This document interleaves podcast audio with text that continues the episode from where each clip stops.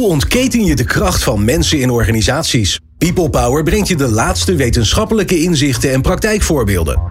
Over leiderschap en leren. Betrokkenheid en bevlogenheid. Inzetbaarheid en inclusie. Omdat mensen het verschil maken in jouw organisatie. People Power met Glen van der Burg. Ik ben bijna 50 en ook al voel ik me nog steeds 32, ben ik toch langzaam ouder aan het worden. 50 is weer een magische grens.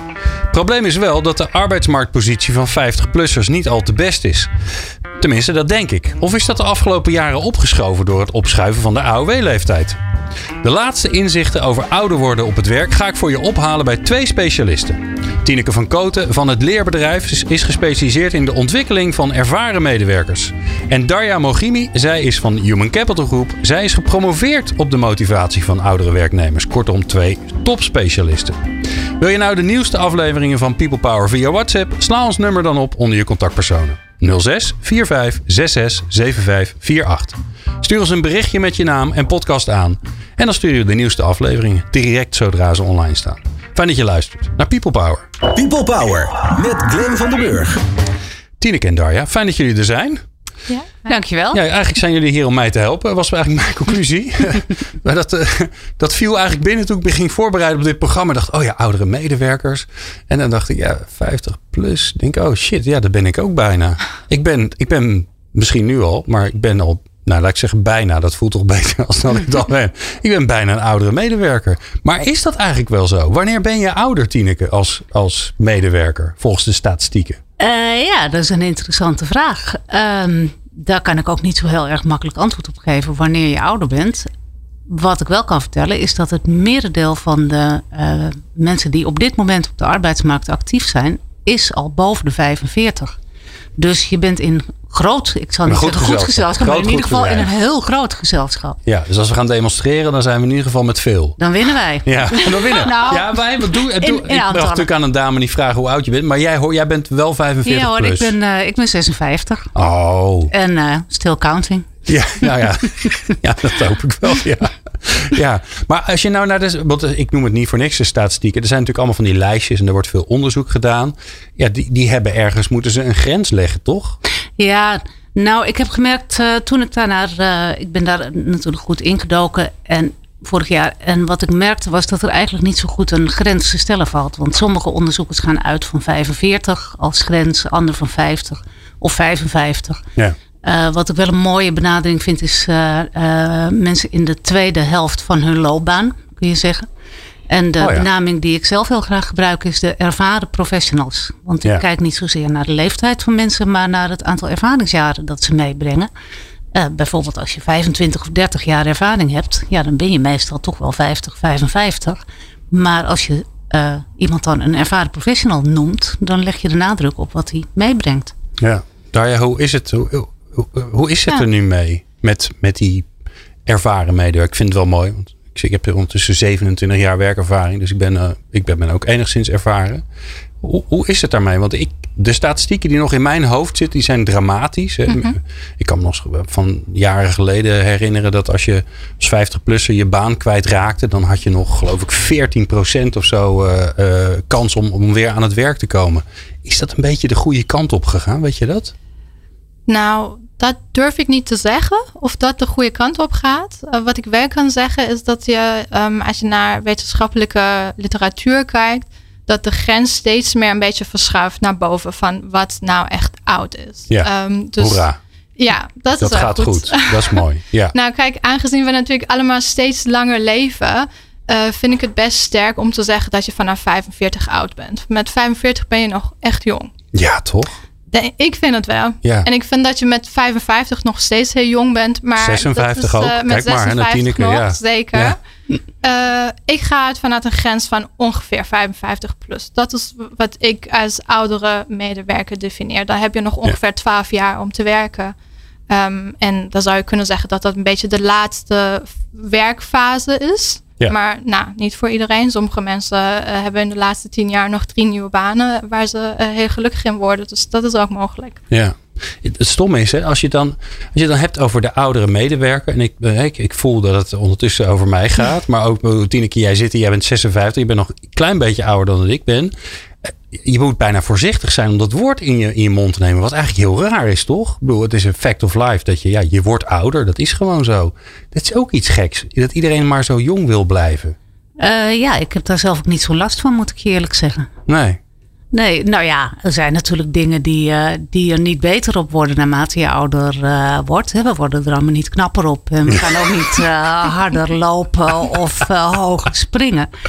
Maar als je nou kijkt naar dingen die je voor je werk vaak, althans dat geldt natuurlijk niet voor ieder beroep, maar voor een heleboel uh, soorten werk nodig hebt. Uh, je hersenen, die gaan er niet per se op achteruit met het ouder worden. Nee, eh, waar ik wil even met jullie, waar ik naartoe wil, los van het feit dat we, nou ja, de, de, de laten we zeggen, de, de leeftijd waarop je onder de doelgroep oudere medewerkers wordt geschaard, die, die gaat langzaamaan omhoog. Wat ik ook heb begrepen is dat ondertussen de, de, de, het aantal ouderen die gewoon nog aan het werken is, stijgt ook. Hè? Dus op zich heeft wat dat betreft de, de, het laten stijgen van de AOW-leeftijd geholpen. Ja. Wat zijn nou de stigma's die er op die oudere uh, werknemers zitten? En dan gaan we een beetje heen en weer pingpongen. Eh, kijken hoeveel, hoe, hoe, lang, hoe lang we dat vol kunnen houden. nou, ik ben bang dat we het heel lang vol kunnen houden. Nou, dan beginnen we één van jou, Tineke. En dan gaan we daarna naar Darja. Noem de eentje die heel hardnekkig is. Uh, een hele hardnekkige is ouderen willen niet veranderen. Oké, ouderen willen niet veranderen. En dat is wel nodig, want er valt, verandert al. He, iedere, elke Alles organisatie verandert, is organisatie verandert, wereld verandert. Ja, maar vooral bij reorganisaties, daar willen ze niet mee. Ja, ze willen, ze willen niet mee. Ze willen niet mee. Ja, oké. Nou, die hebben we. Darja, ander stigma. Ouderen kunnen niet zo snel werken. Ze kunnen niet zo snel werken. Oké. Zijn langzaam. Dus de productiviteit gaat gewoon naar beneden. Die zou ik misschien een beetje uit elkaar trekken. Oké, maar, dat is weer een andere. Gewoon, ja, ja, ik zal het toch echt uit elkaar trekken. Ja. Oké, dus niet zo snel. Niet zo snel. Niet zo snel. Dus in beginnen ze hebben wat meer tijd nodig om op gang te komen. En als, het duurt even voordat het af is. Oké, okay. Tineke. Uh, ouderen staan niet in de leerstand. Wat ik op zich al een hele nare uitdrukking vind. De leerstand. De leerstand. Maar goed, ouderen staan niet in de leerstand. Staan niet bereid of in staat om uh, te leren. Ligt eigenlijk in het verlengde van het niet willen veranderen. Ja, oké. Okay, ja, okay. We gaan heel lekker. Ja. Darja? Ouderen worden vaak ziek. Vaker ziek, ja. Oké, dus meer ziektedagen ja, wil je ook niet. Ja. Wil je ook niet als werkgever. En overigens, uh, voor als je er middenin valt en je bent live aan het luisteren. We zijn een lijstje van stigma's aan het opnoemen. dit is allemaal. Dit is allemaal we, we, denken dat dit waar is, maar dit is natuurlijk. Ik ga straks zeggen dat het allemaal niet waar is. Tineke, zijn we er al bijna? Oh nee hoor. uh, ouderen denken. Oh ja, ouderen zeggen altijd. Uh, dit hebben we al eens een keertje geprobeerd. Oh, en toen werkte het ook niet. Ja. Ja, die, dus die, die staan met de hak in het zand. Hak in het zand. Ja, heel goed. Darja. Um, oh, wat hebben we lekker tempo erin. Nu moet ik even nadenken. Ja, nee, maar dat, dat is goed. We hebben de negatiefste gehad. En daarvan klopt bijna geen enkele. Moet ik dat ook alvast zeggen? Ja, die, die, die, dat voorschot nemen we alvast. Ja. ja, mooi. Ja. Nou, die vond ik ook wel mooi. Die hoorde ik laatst. Um, uh, dat als je ouder wordt, dat je hersenen gewoon minder goed uh, uh, zich kunnen ontwikkelen. Ja. dus op een gegeven moment is, ben je gewoon klaar. Dan zijn je hersenen af. En dan, ja. nou, dat gaat gewoon niet meer. Dus leren wordt ook fysiek gewoon lastiger. Ja, en dat is ook niet helemaal waar. Nee, daarom. Dat zeg ik. Dat is een stigma. dus ik doe mee met jullie. Ik, ik help even. Ja. Wat wel klopt. Um, en uh, ja, dat is misschien niet zo positief voor de ouderen. Maar dat is ook voor mij niet meer positief. Is dat je inderdaad uh, je fluide intelligentie. Dat is um, eigenlijk dat wat je met een intelligentietest meet. Dat neemt wel af. En uh, heel veel mensen zeggen vanaf je 25ste. Sommigen zeggen vanaf je 35ste. Maar dat neemt wel af. Ja, dus zeg maar je echte IQ, je rekencapaciteit. Ja, de, de snelheid van, van informatieverwerking in je hersenen. Dat neemt wel af.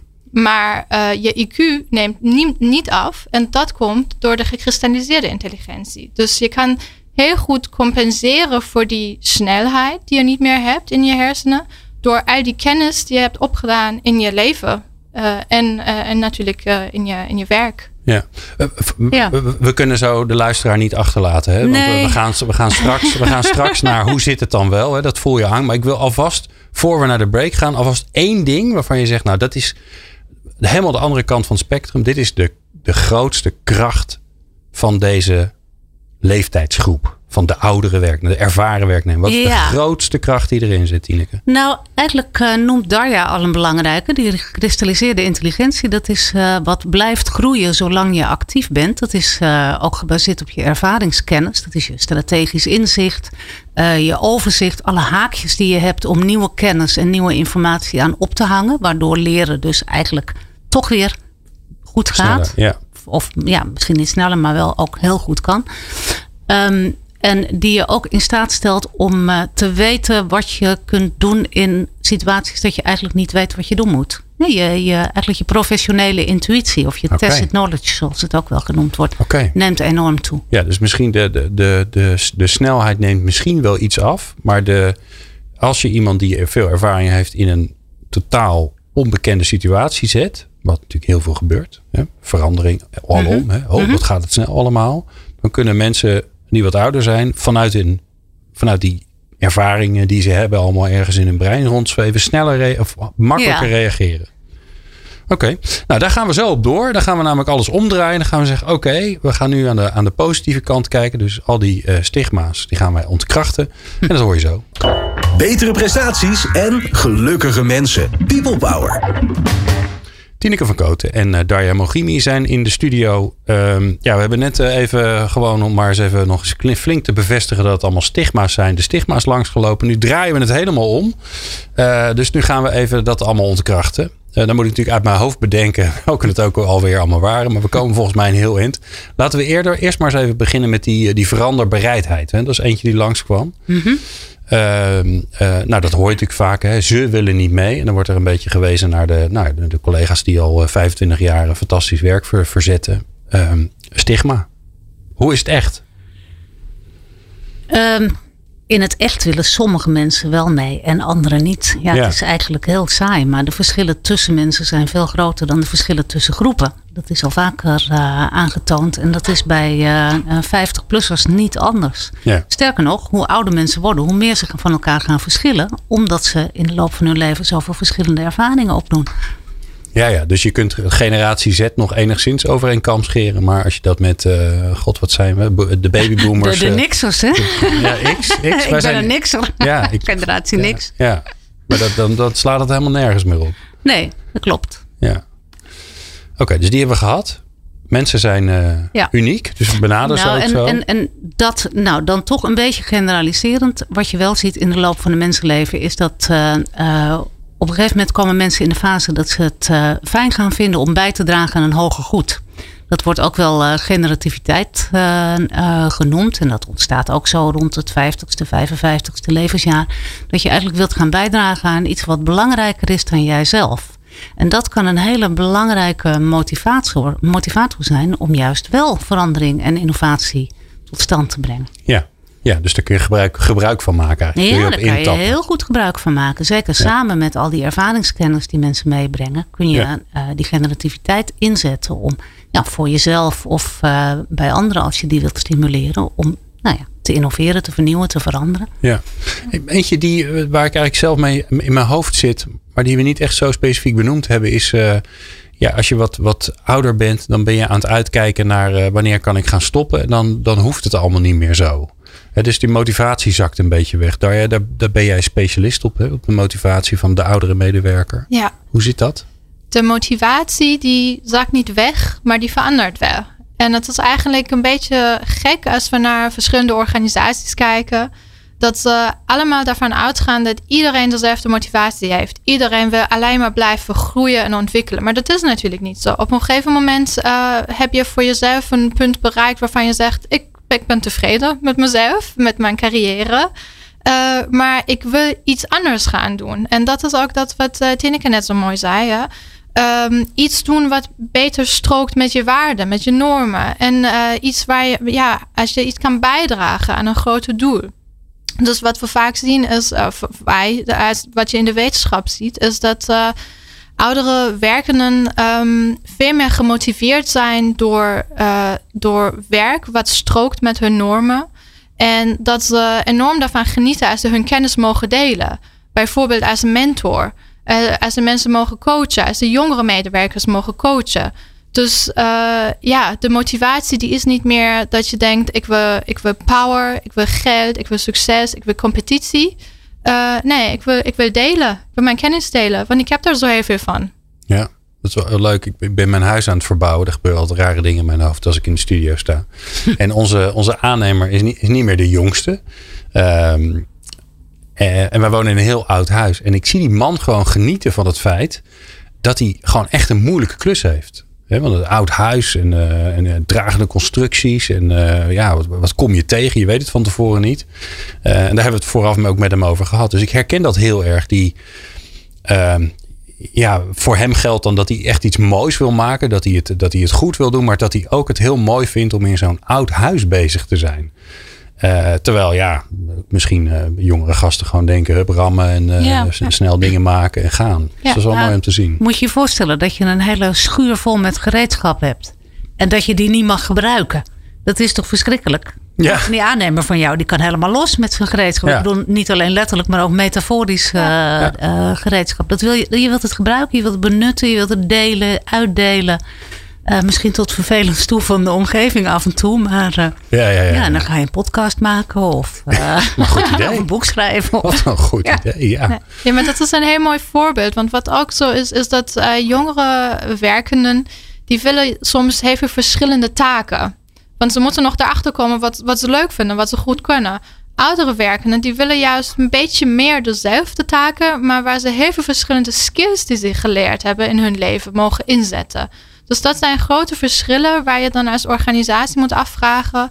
Hebben nou al mijn medewerkers dezelfde interventies nodig als er interventies nodig zijn? Ja, en dat zien we dat dat vaak niet gebeurt. Dat er, dat er één interventie is en die moet, uh, die moet Voor de hele organisatie, ja. ja. En ook daarbij geldt natuurlijk weer dat de ene oudere medewerker niet de andere oude medewerker is. Want niet iedereen vindt het prettig om uh, in, steeds in hetzelfde soort werk uh, zijn skills, zijn of haar skills te gebruiken. Ja. Dat, uh, daarmee denk ik gelijk aan, uh, aan de, de, uh, het stigma van ja, ze willen, niet, ze willen niet meer leren. Ze, ik praat nu heel erg over mezelf, merk ik ondertussen. maar ze willen niet meer leren, want ja, dat hoeft allemaal niet meer. En hoe zit dat dan, Tineke? Hoe zit dat met het leren van oudere, werknemers, ervaren werknemers?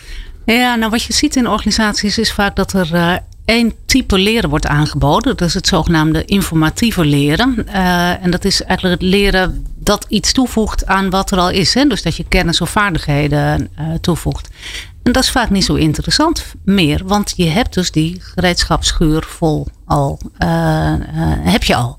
Ja. Dus daar zijn mensen niet meer zo in geïnteresseerd. Maar als je nou gaat kijken naar uh, manieren van leren die meer recht doen aan de kennis en ervaring die er is. Dus het eigenlijk het hergebruiken van je bestaande kennis. Dat is ook een vorm van leren. En dat noemen we, niet toevallig, generatief leren. Uh, dus daarbij kun je eigenlijk met uh, anderen samen iets nieuws maken van de kennis die er in de groep al aanwezig is. En dat is een vorm van leren die eigenlijk veel beter past bij uh, ouderen. Heb je daar een voorbeeld van uit je eigen praktijk? Hoe ziet dat eruit? Ja, we hebben dat vorig jaar gedaan bij een uh, overheidsorganisatie waar ik voor werk, een uh, kennisinstituut. Met voor het merendeel oudere medewerkers ook. En daar zijn we aan de slag gegaan met een paar lastige vraagstukken. Want zoals iedere organisatie waren hier ook een paar harde noten te kraken. En toen hebben we gedacht, als je nou zoveel mensen met veel ervaringskennis in huis hebt, die ook graag iets willen bijdragen, en je hebt een paar lastige vragen, kun je dan niet een win-win situatie uh, ontwikkelen. Dus uh, we hebben een interventie ontworpen waarbij uh, aan de ene kant die, die gereedschapsschuurtjes een beetje konden worden opgeruimd. Hè. Dus ik, nou, ik heb om te beginnen natuurlijk mensen gezocht die enthousiast waren en die het leuk vonden om ja. mee te doen. Dus we waren met tien ervaren professionals. Uh, en met hen ben ik toen aan de slag gegaan om, uh, om eens te kijken van wat zijn jouw kwaliteiten nou eigenlijk? Wat heb je nou in die 30 jaar zeg maar gedaan waar je trots op bent? En welke kwaliteiten hebben jou daarbij geholpen? En hoe zou je die kwaliteiten nu nog weer eens kunnen, nou, een twist kunnen geven en ook op een andere manier inzetten? En we zijn gaan kijken naar die taaie vraagstukken die er waren. Van wat spreek je nou aan? En daarmee zijn we eigenlijk met een vorm van uh, design thinking, frame innovation zijn we aan de slag gegaan een hele dag. En daarin hebben ze dat, dat vraagstuk helemaal binnenste buiten gekeerd en uh, ondersteboven gedraaid. Met inzet van al hun ervaringskennis en kwaliteiten. En uh, nou ja, alles wat ze maar in huis hadden. En samen met elkaar. En daar hebben ze hele mooie nieuwe frames en daarmee oplossingsrichtingen bedacht. Uh, en op basis daarvan ontstonden eigenlijk ja, oplossingen waar de organisatie verder mee kon. Mooi. Dus eh, de, de grote win-win was dat deze deelnemers die, uh, die ervoeren dat ze heel innovatief konden zijn, konden zich daar ook mee laten zien binnen de organisatie. Er waren een paar nieuwe eh, oplossingen bedacht. Nou ja, en zo had het nog wel een paar voordelen. Maar ik zie jou kijken dat je volgens mij weer aan het eind van de twaalf minuten bent. Nee, nee, nee, nee, nee, nee, nee, nee, Ik, zat, ik zit al ondertussen natuurlijk te denken en te kraken. En, uh, ja um, het, nee, wat, wat er in mijn hoofd gebeurde was dat ik dacht... Uh, ja, hoe vaak heb je eigenlijk het gesprek met elkaar over wat, wat kun je eigenlijk en uh, wat, wat zijn je kwaliteiten of je vaardigheden en geef daar eens woorden aan en anders dan ja, ik ben goed in organiseren, want ja, dat, dat, dan, dan weet je nog niks. Ja. Um, Darja, hoe, hoe zit het uh, vanuit jouw perspectief met het, met het willen leren en wat er dan, hè, wat specifiek dan voor, voor mensen die uh, veel ervaring hebben, hoe dat leren werkt? Um, ja, willen leren. Uh, ik ben het eens met Tineke dat er, er zijn verschillende manieren van leren. En wij, uh, ja, als we kijken naar, naar verschillende organisaties, zij hebben een hele specifieke definitie van leren. En dat is dat je leert om dan verticaal opwaarts te kunnen bewegen in je carrière of binnen de organisatie. En dat is niet per se dat wat overeenkomt met de, met de behoeften van de oudere werknemer die uh, vinden soms ook prima om een horizontale beweging te maken. Als ze maar iets nieuws kunnen doen op hetzelfde niveau. Uh, alleen dat blijkt helaas heel vaak niet echt waardevol te zijn voor organisaties.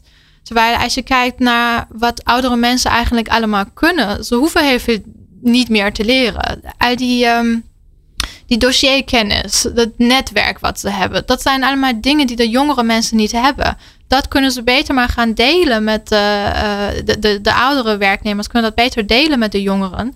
En daar heeft de organisatie wel iets van. Niet als iedereen per se hetzelfde moet gaan leren. Mm Want daar kan je wel van uitgaan dat de jongeren dat waarschijnlijk sneller gaan leren, misschien ook beter. Maar uh, het betekent niet dat de toegevoegde waarde groter is. Ja. Ja, grappig is dat. Hè? Ja. Wat, wat, wat, ik, wat er bij mij gelijk naar binnen schiet, is, is die combinatie van ervaren en, en heel fris. Hè? Dus, dus net binnen. Uh, als je dat negatief bekijkt, dan zeg je bleu en, uh, en een beetje naïef. Uh, daar heb je ook allerlei stigma's over, natuurlijk, wat je, die je daaraan vast zou kunnen hangen. Daar zou ik straks met jullie eigenlijk wel naartoe willen. Van hoe kun je nou uh, die enorme bak aan ervaring, dat netwerk, hoe kun je die nou op een goede manier koppelen aan, uh, aan, uh, aan, het jonge, frisse, wat er net van, van de opleiding komt? En dat hoor je zo. Experts en wetenschappers over de kracht van mensen in organisaties. People Power. Darja Mogimi is in de studio van Human Capital Group en Tineke van Koten van Het Leerbedrijf. We hebben het over ervaren medewerkers, oftewel oudere medewerkers. Want dan snapt iedereen tenminste waar we het over hebben. um, ja, er is iets tussen die. Uh, daar zijn natuurlijk ook boeken over volgeschreven ondertussen over de generaties. En nou, daar gaan we het allemaal niet over hebben of dat nou wel of niet waar is. Wat natuurlijk wel zo is, is dat je hebt uh, in een organisatie ondertussen best wel jonge mensen rondlopen. En uh, redelijk wat nou ja, sterker nog, de meerderheid, 45-plussers en, uh, en, en nog wat ouder. Hoe kan je, hoe kan je daar nou het, het beste van die beide uh, leeftijdscategorieën, hoe kun je daar nou, daar nou de beste combinatie eigenlijk van maken? Tineke. Nou, daar vraag je wat. Ja, het is een simpel vraagje. Uh, ik zou zeggen, we hadden het net uh, in de pauze toen, tijdens het leuke liedje al even over uh, dat een kennismanagement systeem vaak niet zoveel oplevert. In, uh, omdat er natuurlijk nu veel ouderen gaan de komende tien jaar met pensioen. Wat doe je dan met, met de kennis en ervaring die ze hebben in organisaties? Hoe draag je dat over?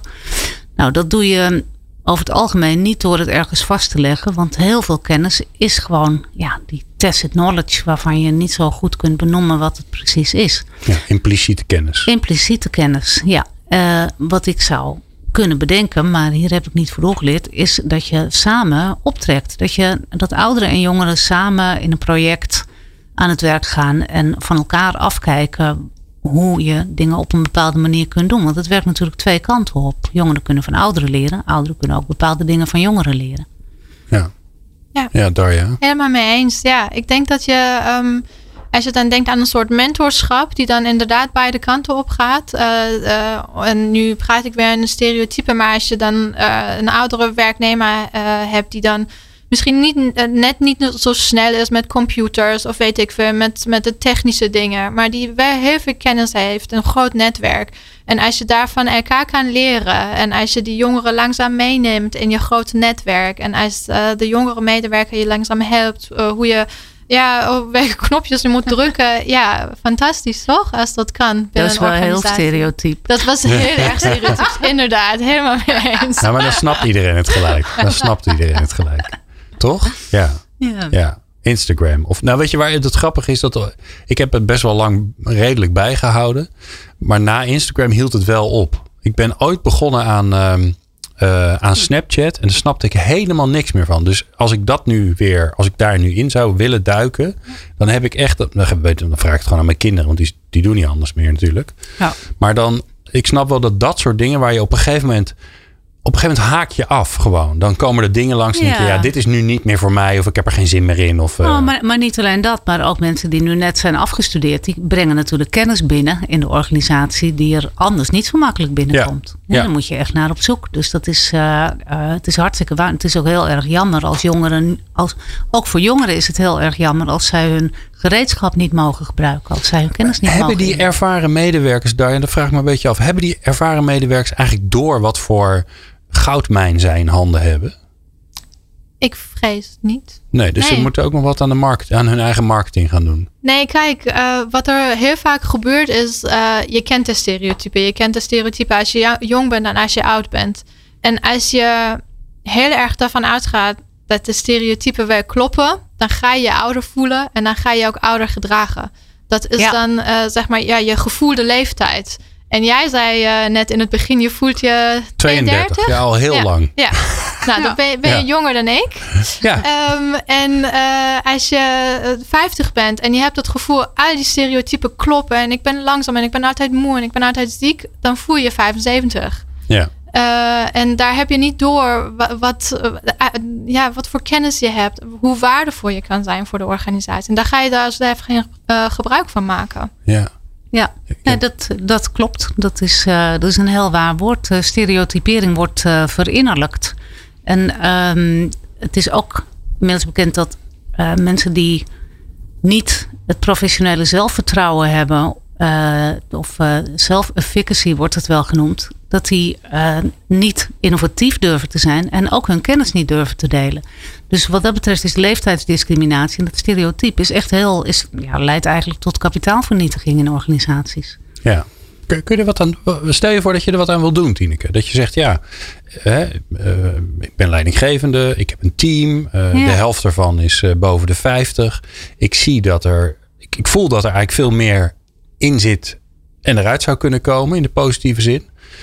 Wat kan ik daaraan doen? Ja, nou dat professioneel zelfvertrouwen dat is heel goed te beïnvloeden door mensen succeservaringen te laten meemaken. Dus daar kun je ruimte voor maken. Je kunt uh, ervaren professionals uh, bewust en actief uitnodigen om mee te doen aan uh, vernieuwende of innovatieprojecten. waarin ze een succeservaring kunnen opdoen. Uh, je kunt het gesprek over stereotypering aangaan. Je kunt daar als leidinggevende of HR-manager kun je ook weigeren om mee te gaan in het stereotype dat zo uh, mm. zwaar aanwezig is, maar het bestrijden en daar ook het gesprek over aangaan. Oké, okay, maar ik hoor je dus zeggen, als je, als je wil dat, dat, uh, dat jouw iets wat oudere collega's een bepaald gedrag gaan vertonen, dan moet je dat gedrag eigenlijk gaan organiseren, ja. zodat en, en dan heel hard klappen. Nou, heel hard klappen als er aanleiding voor is. Ja, ja. klappen. Ja, je kunt, je kunt natuurlijk. Ja, het heeft weinig, weinig zin om te klappen voor iets wat. Ik ging wat in mijn hoofd al helemaal vanuit dat het goed gekomen was. Ja. Ja. ja, precies. Maar mensen een podium bieden en mensen de ruimte geven en mensen een beetje helpen om hun uh, uh, ervaringskennis, om die schatkist. Uh, zoals Darja dat ook al noemde, om die, om die te herontdekken en te expliciteren en daar wat PR voor te bedrijven. Uh, en als het dan goed gaat, daar heel hard voor klappen. Ja, ja. dat zou ik zeker aanbevelen. Ja. Darja, wat zou jij uh, leidinggevende adviseren als ze, als ze denken, ja, dat, ik, voor mij zit er meer in. Ik zie ook dat, ja, dat mensen eigenlijk bescheidener zijn uh, dan, dan ze zouden moeten zijn. Ehm, ja, kijk, ik vind dat je als leidinggevende verantwoordelijk daarvoor bent dat je medewerkers in hun kracht gezet worden. Dus als je weet waar die kracht ligt en als je weet wat de verschillende motivaties zijn tussen jongeren en ouderen, dat, uh, dat jongeren willen groeien en ouderen vrij willen behouden en willen inzetten, uh, willen benutten. Uh, dan kan je alle medewerkers mooi in hun kracht zetten. En als je merkt dat je medewerkers hebt die ja, een beetje de negatieve stereotypen gaan ja, aannemen en die denken, ja, ik kan het allemaal niet meer zo goed. Ja, dan moet je als leidinggevende in gesprek en dan moet je die mensen ook gewoon zelf laten zien van, kijk, dit heb je allemaal gedaan in je carrière. Dit kan je allemaal. Dit kan ik niet. Heel vaak kan de leidinggevende dat zelf niet.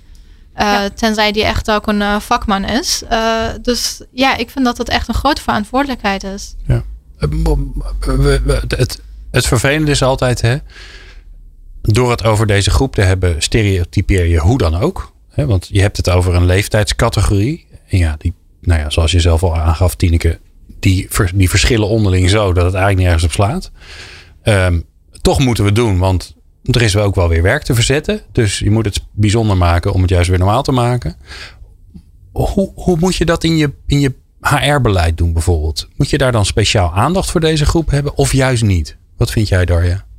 Um, ja, wat ik niet vind, is dat je dingen moet doen als ontziemaatregelen. Ik vind dat is. Um... Oké, dus de oude lullendag, zoals wij die uh, onbeschoft noemen, die moet ja, weg. Nou ja, kijk, volgens mij hoeft die niet per se iedereen te hebben. Die, eh, als ik naar mijn eigen werk kijk als, uh, als adviseur, als consultant. Um, kan je dat denk ik prima nog doen met, met 60. Uh, als je verpleegster bent en je moet heel vaak in de weekenden werken en s'nachts. Dan snap ik dat er op een gegeven moment daarna gekeken wordt van wat, ja, kan je nog uh, duurzaam inzetbaar blijven als je elk weekend werkt. Dus dat snap ik wel, maar. En, zel, en zelfs dan, met Tineke, want ik ben wel benieuwd hoe jij dat ziet. Zelfs dan moet je er misschien voor kiezen om er wel ruimte voor te bieden, maar het alsnog per persoon te bepalen. Klopt. Er is ook uh, onderzoek gedaan naar uh, ontzienmaatregelen versus ontwikkelgerichte maatregelen in duurzaam inzetbaarheidsbeleid en ontwikkelgerichte maatregelen. Dat is dan alles met leren en ontwikkelen en jobcarving en uh, nieuwe dingen uitproberen en uh, taakroulatie en nou, noem maar op. Uh, maatregelen is dan bijvoorbeeld oude lullendagen of geen nachtdiensten meer hoeven te draaien. En het is zo dat ontwikkelgerichte maatregelen eigenlijk voor alle leeftijdsgroepen meer opleveren dan alleen ontzienmaatregelen. Ja. Behalve natuurlijk in zware fysieke, hè, fysiek zware beroepen. Dat is een, uh, dat is een uh, specifieke uh, zaak. En zelfs daar zou je kunnen zeggen. Er zijn er altijd een paar die het misschien juist heerlijk vinden om die nachtdiensten te draaien. Tuurlijk, dus je moet dat ook aan de mensen zelf overlaten. Maar je moet vooral niet vergeten, en dat is ook een tip die ik aan HR-mensen en, en leidinggevenden zou willen meegeven. blijf inzetten op de ontwikkeling van alle leeftijdsgroepen hou daar niet mee op als mensen boven de 40 raken of zo. Want dat is uh, gewoon zonde. Ja. En als ik dat mag aanvullen, ga daar niet van uit dat iedereen op dezelfde manier wil ontwikkelen. Juist. Ja. Vergeet niet die verschillen. Dus uh, kijk, uh, het gaat ook niet alleen om jong en oud. Hè. Dat gaat bijvoorbeeld ook om die, die fase daartussen. Als je net, je bent 30, 40, je hebt kleine kinderen thuis. je, je wilt niet precies hetzelfde um, als de die 20-jarige, maar je wilt ook niet nu aan beginnen met uh, nadenken over je pensioen. Dus uh, ja, vergeet de verschillen niet. Nee. Nou, we zijn al lekker tips aan het geven. Daar gaan we straks mee verder. Want uh, dat is fijn. Want uiteindelijk willen we natuurlijk gewoon dat uh, onze fijne luisteraars wat gaan doen. Want dan wordt de wereld van werk weer een beetje beter. Dus straks hoor je de tips van Tideke en van Darja. Leiderschap, leren, inzetbaarheid en inclusie. De laatste inzichten hoor je in People Power. Ja, onze uitdaging is altijd om even in, een, uh, in, in één aflevering zo'n vraagstuk even te regelen. Uh, nou, dit keer is dat uh, de ervaren, de oudere medewerker, waarvan je zelf mag bedenken wanneer die leeftijd ongeveer begint. Um, dat laatste stuk van het, van, het, van het leven, wou ik zeggen. Dan wordt wel heel dramatisch. het laatste stuk van je, van je werkende leven. Of misschien van je betaalde werkende leven. Dus laten we zeggen, de, de, laatste tien jaar vind ik al best wel veel. De laatste vijf jaar, daar hebben we het eigenlijk niet zoveel over. Dus, dus hoe, hoe vul je die laatste vijf jaar in? Want dat is toch we hebben het wel over de eerste vijf jaar. Nou, we carrièreplannen, je ontwikkel, hutsfluts. En, en, en oh, dan moet je natuurlijk de veel dingen ervaren. Die laatste vijf jaar, moeten we daar niet eens een keer gewoon wat meer aandacht aan, aan besteden, Tineke? Hoe je die invult en, en daarover nadenken en zo. Nou, dat is misschien uh, best een uh, goed idee. Is, dat, is dat niet een goed businessmodel voor jou? Om daar gewoon. ik ga het niet, ik ga het niet doen, dus je mag hem hebben. Darja mag hem ook hebben trouwens. Loopbaanadvies voor 63-plussers. Ja. ja. Nou, ik denk dat er geen enkele reden is om uh, op je 63ste niet gewoon uh, nog eens heel goed na te denken over wat je, uh, wat je leuk vindt. Waar je nog zin in hebt, toch? Ja, waar je ook in overleg met je, met je, met je collega's en je leidinggevende op welke manier je goed kunt bijdragen. Want het is natuurlijk niet, niks zo triest als iemand die maar een beetje zit te wachten tot het over is uh, met het werkende leven. Dat gun je, ja, ja, dat gun je eh, niemand. Maar ook dat je helemaal de, de, het snot voor je neus, eh, voor je ogen werkt. tot je, en dan op je 68 een knalfeest. En dan, ja, als een soort uh, Donald Duck die uh, van een flatgebouw af Ja, toch? Rent. Ik ben over de finish. Het is gelukt. en wat, wat, want je moet ook... Ja, je moet ook een beetje je kijkt ook al een beetje er doorheen of zo. Ja, nou, wat, dan wat straks? Ik, uh, wat ik in mijn omgeving zie is dat uh, uh, ik zie wel, dat is ook weer generaliserend hoor, maar ik zie wel een verschil van mensen tussen de 50 en de 60, zeg maar, die, die echt nou nog heel graag, of niet nog, maar die gewoon heel graag gewoon net als altijd willen bijdragen en, ja. en, en in de organisatie. En na de 60 verandert toch het, het perspectief een beetje. Het eind komt toch dichterbij dan dat het begin was. En dat mensen dan eigenlijk vanzelf al worden ja, getriggerd om na te denken over wat ze nou de, de komende tien jaar nog eens leuk vinden om te gaan doen. En dat kan dan deels in het werk zijn. En dat kan dan door mentoring of coaching of training zijn. Of door een boek te gaan schrijven. Of het kan uh, zijn door langzamerhand uh, de blik te gaan verleggen naar andere zaken. Meer maatschappelijk uh, bijvoorbeeld. Ja, daar is dat een idee? Of die laatste vijf jaar om daar gewoon een businessmodelletje van te maken? Zeker. nou ja, waar ik eigenlijk een grotere kans in zie, is eigenlijk de tijd daarna. En dat heb je, ik weet eigenlijk niet of je dat hier hier ook hebt. Maar in Amerika heb je, um, heb je bridge employment. Daar gaat het om die tijd waar je uh, net met pensioen bent gegaan. Maar je wilt nog niet stoppen met werken. Dus daar, vind je, daar ga je op zoek naar zo'n uh, bridge baan. Uh, en daar ga je, kan je voor een paar dagen per week nog ja. ergens gaan werken.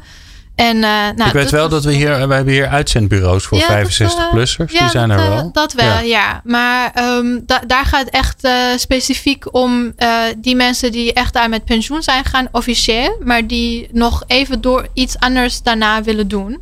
Um, ik, dat kan je vast ook bij een uitzendbureau aangeven. Maar ik denk dat dat um, goede kansen heeft om uh, ja, op heel veel succes. Ook als we kijken naar, de, naar, naar het geluk, levensgeluk en uh, tevredenheid en gezondheid van, uh, van mensen na hun pensioen. We zien heel vaak dat mensen die blijven werken, niet fulltime, niet per se 40 uur per week, maar mensen die actief blijven, langer gezond zijn, zich langer jong voelen. Wat, dat zeiden we net, hè? dat is heel belangrijk, hoe je ja. je voelt.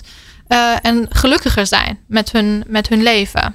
Ja, want we hebben natuurlijk ooit bedacht dat, dat er een moment is dat je stopt met werken.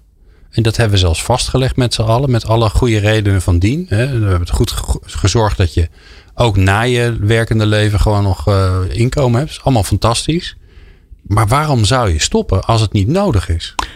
Nee, dat klopt. Toch? En dat hoeft natuurlijk niet per se een betaalde baan te zijn. Want ook, ik ben het helemaal eens met, uh, met Darja. Uh, dat het heel goed is om na je pensioen, na je werkende leven nog actief te blijven. Maar dat kan ook heel goed in vrijwilligerswerk natuurlijk. Dat hoeft niet per se een betaalde baan te zijn. Ja, ja, is ook werk. En het is ook hier zijn omstandigheden natuurlijk verschillend. Want wij praten hier met z'n drieën vanuit een ontzettend luxe positie met onze uh, denkbanen. Maar als jij je hele leven aan uh, stoeptegels hebt uh, gelegd, dan piep je wel anders natuurlijk. Ja, nee, dan gaat het helemaal niet over leuk langer doorwerken. Dan gaat het over wanneer mag ik nou eindelijk eens uitrusten. Ja, ja.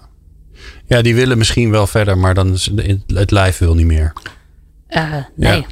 Dat, uh, ja. En dan uh, is het eigenlijk misschien, ja, heb je een goede loopbaanadviseur nodig die dan even goed met je na gaat kijken van, ja, wat zijn de mogelijkheden? Wat kan je misschien toch nog doen? Hè? Misschien kan je, ja. kan je de jongere collega's gaan opleiden. Ik weet het niet, ik bedenk maar iets, maar ja, dat is dus ook duurzame inzetbaarheid. Dat je niet, uh, niet alleen nuttig bent voor de organisatie tot je 67ste, maar dat je daarna nog mag gezond blijven leven. Um, en dat is je eigen verantwoordelijkheid, sowieso altijd, maar ook de verantwoordelijkheid van de werkgever die uh, je daarin moet ondersteunen om zover ja. te mogen komen. Nou, hebben we het over die werkgevers. Die zijn aan het luisteren naar dit programma. Dus dat hoop ik altijd.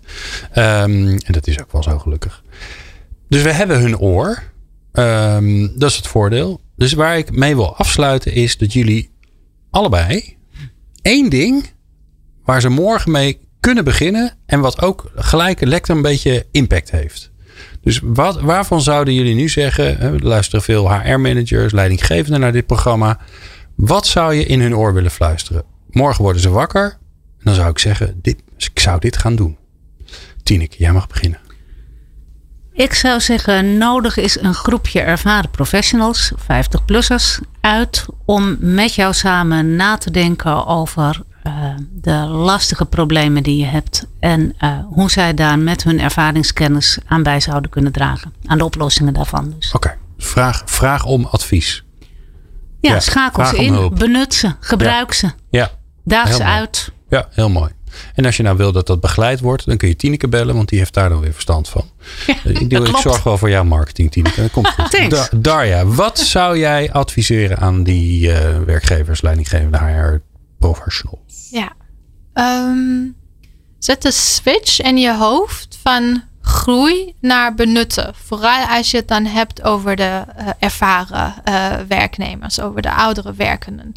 Uh, en kijk even goed hoe je ze, zoals Tineke net zei, kan benutten. Hoe je hun kennis kan benutten. En geef hun de kans om die kennis ook te delen met jou als werkgever en met alle andere collega's. Mooi. Ik dank jullie zeer. Het was een uh, verhelderende aflevering van People Power. Uh, wil je meer weten, dan kun je natuurlijk even zoeken naar uh, Tineke van Koten van het leerbedrijf. Ook altijd leuk om even via LinkedIn contact te leggen. En uh, Darja Mogimi van Human Capital Group. Darja, je bent ook gepromoveerd promoveerd hierop. Hè? Kunnen we dat, dat op jouw promotieverhaal ergens lezen? Staat het ergens? Als jullie het interessant vinden, kunnen jullie mij op LinkedIn een berichtje sturen. En de meeste hoofdstukken die zijn er gepubliceerd. Dus die kan je ook gewoon via Google vinden. Gewoon even op jouw naam, naam zoekt. Ja. Oké, nou als je wil weten hoe je het schrijft, moet je even in de show notes kijken. Uh, want dat helpt wel uh, om uh, Darja uiteindelijk te vinden. Dank jullie wel, allebei dames. bijzonder fijn. Um, wil je meer luisteren? Kan dat natuurlijk via peoplepower.radio. En ik heb mezelf voorgenomen om ook jullie hulp een beetje te vragen. Dus wil je ons helpen en luister je via een podcast app. neem even dan de moeite. Als je stilstaat natuurlijk tijdens het hardlopen of in de auto. Dan anders moet je het niet doen. Maar als je ons vijf sterren geeft. Of een duimpje of een like. Of ligt aan een beetje wat er gebeurt in je podcast hebt, dan help je ons ook weer om onder de mensen te komen. En dan kunnen weer meer mensen luisteren. Dus alvast dank daarvoor. Uh, volgende aflevering van People Power hebben we hoog bezoek. Want dan gaan we in gesprek met uh, minister van Engelshoven van het ministerie van Onderwijs. Verantwoordelijk voor het beroepsonderwijs. Uh, middelbaar, hoog en universitair. En dan praten we met haar over een leven lang leren. Dat de volgende aflevering. Dank voor het luisteren. Leiderschap, leren, inzetbaarheid en inclusie. De laatste inzichten hoor je in People Power.